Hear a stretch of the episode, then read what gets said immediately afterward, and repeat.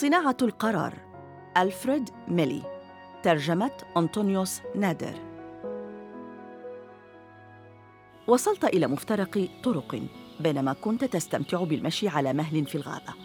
يمكنك التوقف للتفكير فيما يجب أن تفعله ثم تقرر أن تكمل طريقك نحو اليمين. وفقاً لبعض الفلاسفة إذا كنت تتمتع بإرادة حرة في ذلك الوقت لكنت تصرفت بشكل مختلف.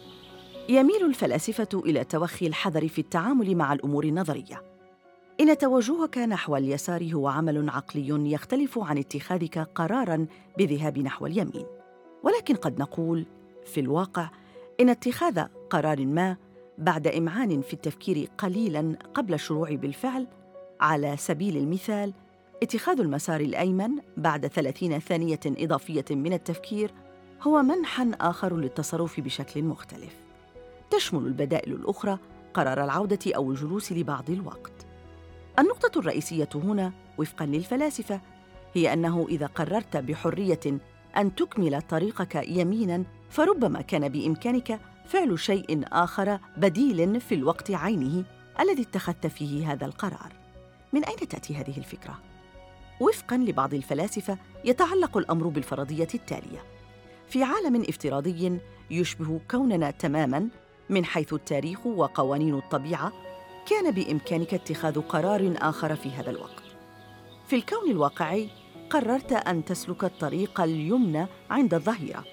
وفي كون نظير محتمل يمكن أن يتحول إلى واقع له التاريخ نفسه وقوانين الطبيعة ذاتها ستسلك طريقا مختلفا عند الظهر. سيوفر لنا مساحة من الكلام أن أطلق على هذه الفرضية مصطلح الانفتاح. Openness. هل يناسب الانفتاح تجربتك في اتخاذ القرار؟ على الأقل في بعض الحالات؟ أتوقع أنك ستقول نعم. أنا لا أقصد أنك تختبر عوالم محتملة أخرى. السؤال هو ما إذا كان يبدو لك أحيانا أنه عندما تقرر القيام بشيء ما ترى أنه كان بإمكانك القيام بشيء آخر بدلا من قرارك الأول. وليس فقط بمعنى أنه إذا كان الظرف أو قوانين الطبيعة مختلفين. لكنت ربما اتخذت قرارا مختلفا. إجابتك بنعم على أغلب الظن. وفقا للانفتاح كيف تجرى عمليه اتخاذ القرارات الخاصة بك؟ قد يجيب عن هذه المسألة هذا الانموذج البسيط. عندما تكون غير مستقر بشأن ما يجب أن تفعله فإن معتقداتك ورغباتك وأمنياتك وآمالك وعاداتك وتفكيرك وما شابه ذلك تتحول إلى عجلة روليت عصبية صغيرة في رأسك. تحتوي العجلة على ألف رقعة. تمثل الرقعات النتائج. على سبيل المثال قد تشير مئتا رقعة إلى قرارك باتخاذ الطريق اليسرى عند الظهر بينما تشير مئتا رقعة أخرى إلى قرارك بسلوك الطريق اليمنى. إن الاستمرار في التفكير عند الظهر بشأن أي طريق ستسلك يمكن أن تمثلها 500 رقعة. ويمكن تقسيم المئات المتبقية إلى قرارات مثل العودة أو الجلوس وما إلى ذلك. عندما يتم تفعيل العجلة تبدأ كرة عصبية صغيرة بالدوران حول الرقع. تدور الكرة حتى تستقر في النهاية على إحدى الرقع. يمثل وقوفها على رقعة ما النتيجة. مثلاً اتخاذ القرار بالتوجه نحو اليمين أو الاستمرار في التفكير فيما يجب القيام به. في حين تمثل خانتان متجاورتان النتيجة نفسها. فقط عندما يتم تمثيل نتيجة واحدة بأكثر من 500 رقعة. وما يحدد توزيع الرقع هو الأشياء التي ذكرتها سابقا. معتقداتك ورغباتك واستدلالك إلى آخره. أنا لا أدعي أن هذا هو النموذج الوحيد الذي يمثل عملية اتخاذ القرار في حالة الانفتاح، لكنه نموذج مناسب، وقد يساعدك على التفكير في طبيعة الانفتاح. يشير النموذج إلى أن قرارك باتخاذ الطريق اليمنى عند الظهر كان جزءاً من مسألة حظ، وإلى أن استقرت الكرة على الرقعة التي تمثل هذا القرار كانت هناك فرصة أن تقع الكرة على رقعة ما تعكس نتيجة مختلفة. يمكن أن يكون الانفتاح مخيفاً، تخيلوا رئيساً يعتقد أنه من الأفضل ألا يأمر بشن هجوم نووي، ولكنه يفكر في القيام به على أي حال. إنه يختبر الانفتاح، زر الإطلاق أمامه، والضغط عليه تمثله رقعات أعدة على عجلة القيادة. من المحتمل أن يؤدي الضغط على الزر إلى نشوب حرب عالمية ثالثة وهذا الأمر يدركه الرئيس تماماً. على أني أفضل قصة أقل إثارة للخوف. جو يشعر بخيبة أمل نتيجة حظه السيء. تم طرده من الكلية بسبب الغش قبل بضعة أشهر. وقد تبرأ منه والداه كان يكافح من أجل تغطية نفقاته. رثى جو حاله لأحد معارفه السطحيين فعرض عليه هذا الأخير أن يبيعه بندقية.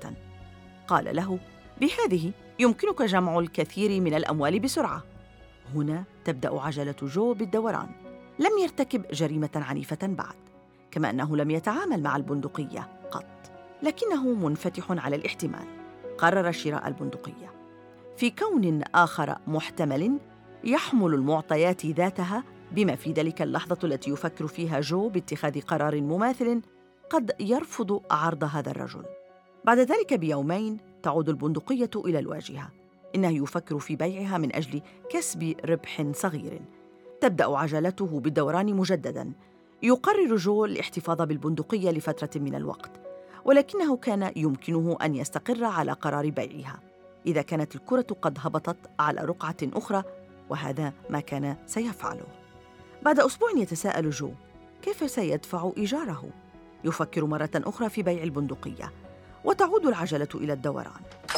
قرر استخدام السلاح في متجر صغير على الجانب الآخر من المدينة. خطة جو هي التلويح بالبندقية بينما يطالب بصوت عال بالمال. إنه واثق من أن أمين الصندوق سوف يمتثل ببساطة. وبالتأكيد ليس لديه نية لإطلاق النار بيد أن لسوء الحظ لا تسير الأمور وفقاً للخطط التي رسمها.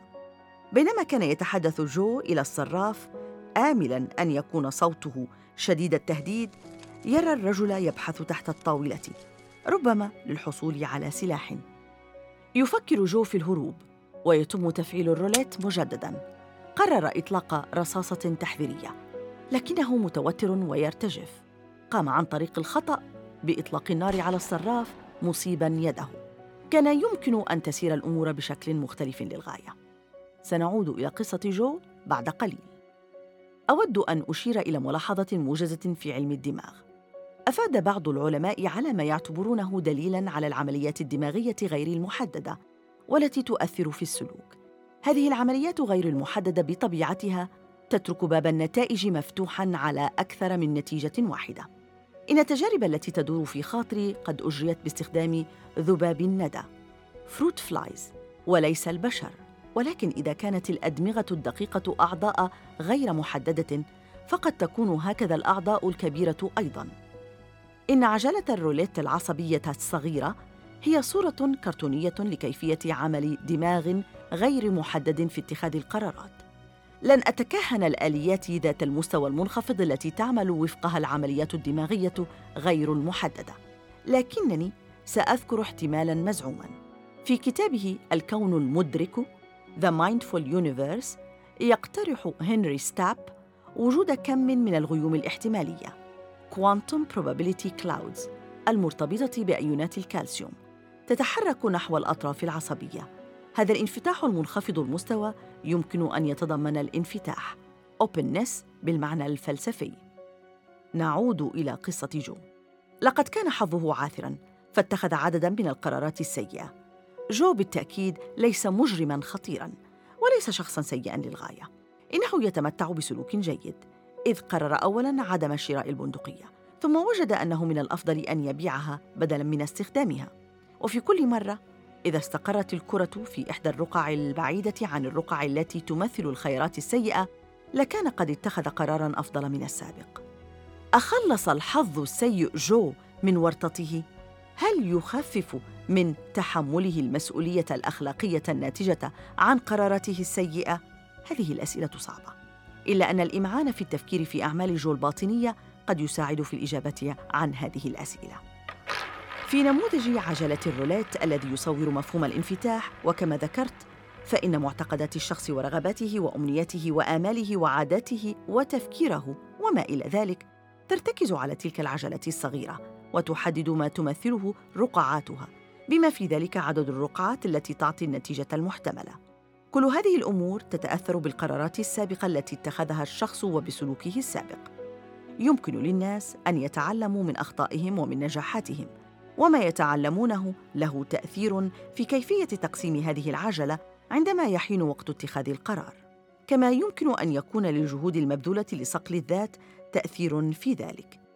من المرجح أن يكون للشخص الذي أقلع عن التدخين لمدة عام توزيع مختلف جدا للرقعات وتاليا النتائج حين يقع بتجربة العودة إلى التدخين إذا عرض عليه الآن أكثر مما كان عليه قبل عام وينطبق الأمر نفسه على الشخص الذي حقق مزيدا من التقدم في التغلب على الميل إلى المماطلة أو الإفراط في تناول الطعام.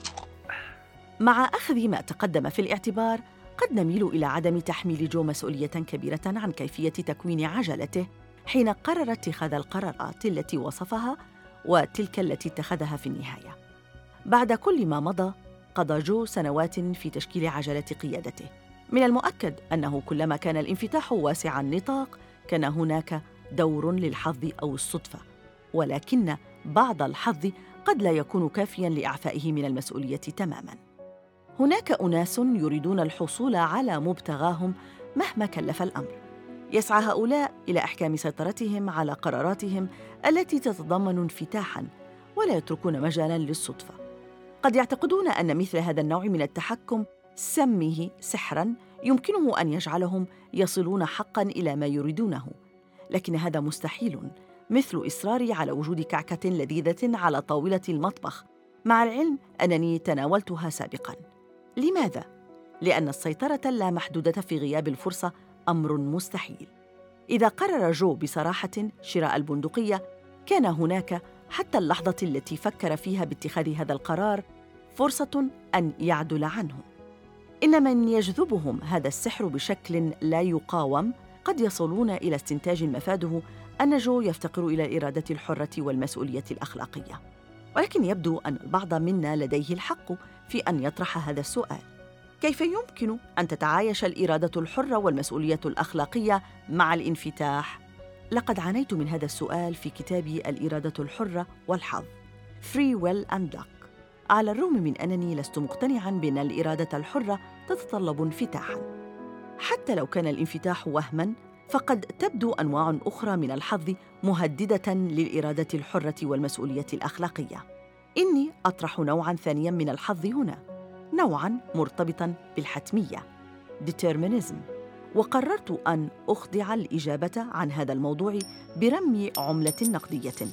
بالنظر إلى النتيجة التي ظهرت لي سألتزم بالحديث عن الانفتاح. تتضمن العديد من الألعاب مزيجاً من الحظ والمهارة. في لعبة البلاك جاك يتنافس اللاعبون فقط مع الموزع الذي تملي كل تحركاته قواعد اللعبة. على عكس الموزع لدى اللاعبين خيارات مفتوحة.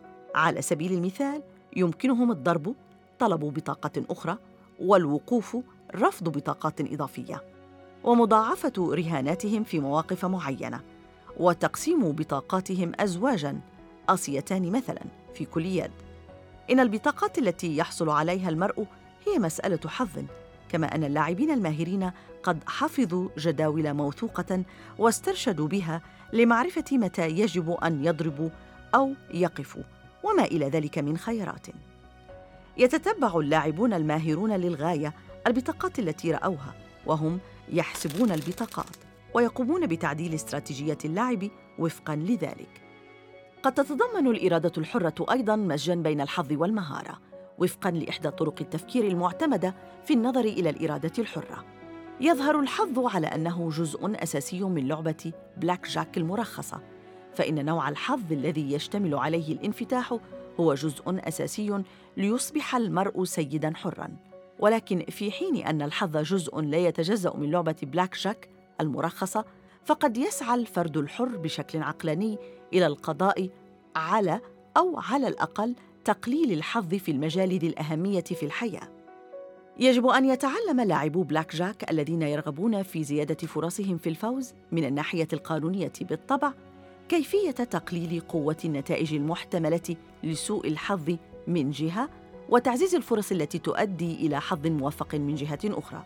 لذلك يجب أن يتعلموا حساب البطاقات واستذكار مجموعة لا بأس بها من طاولات البلاك جاك واللعب وفقاً لذلك.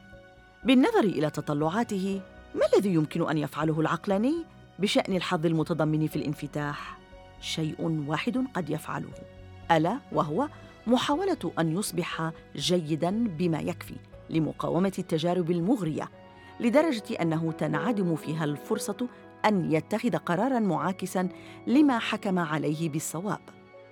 إذا كنت لا ترى أي سبب وجيه لتفضيل المسار الأيسر على الأيمن أو العكس، فإن العجلة التي تمنحك فرصة بنسبة 50% لكل قرار من المفترض أن تكون عملية صائبة.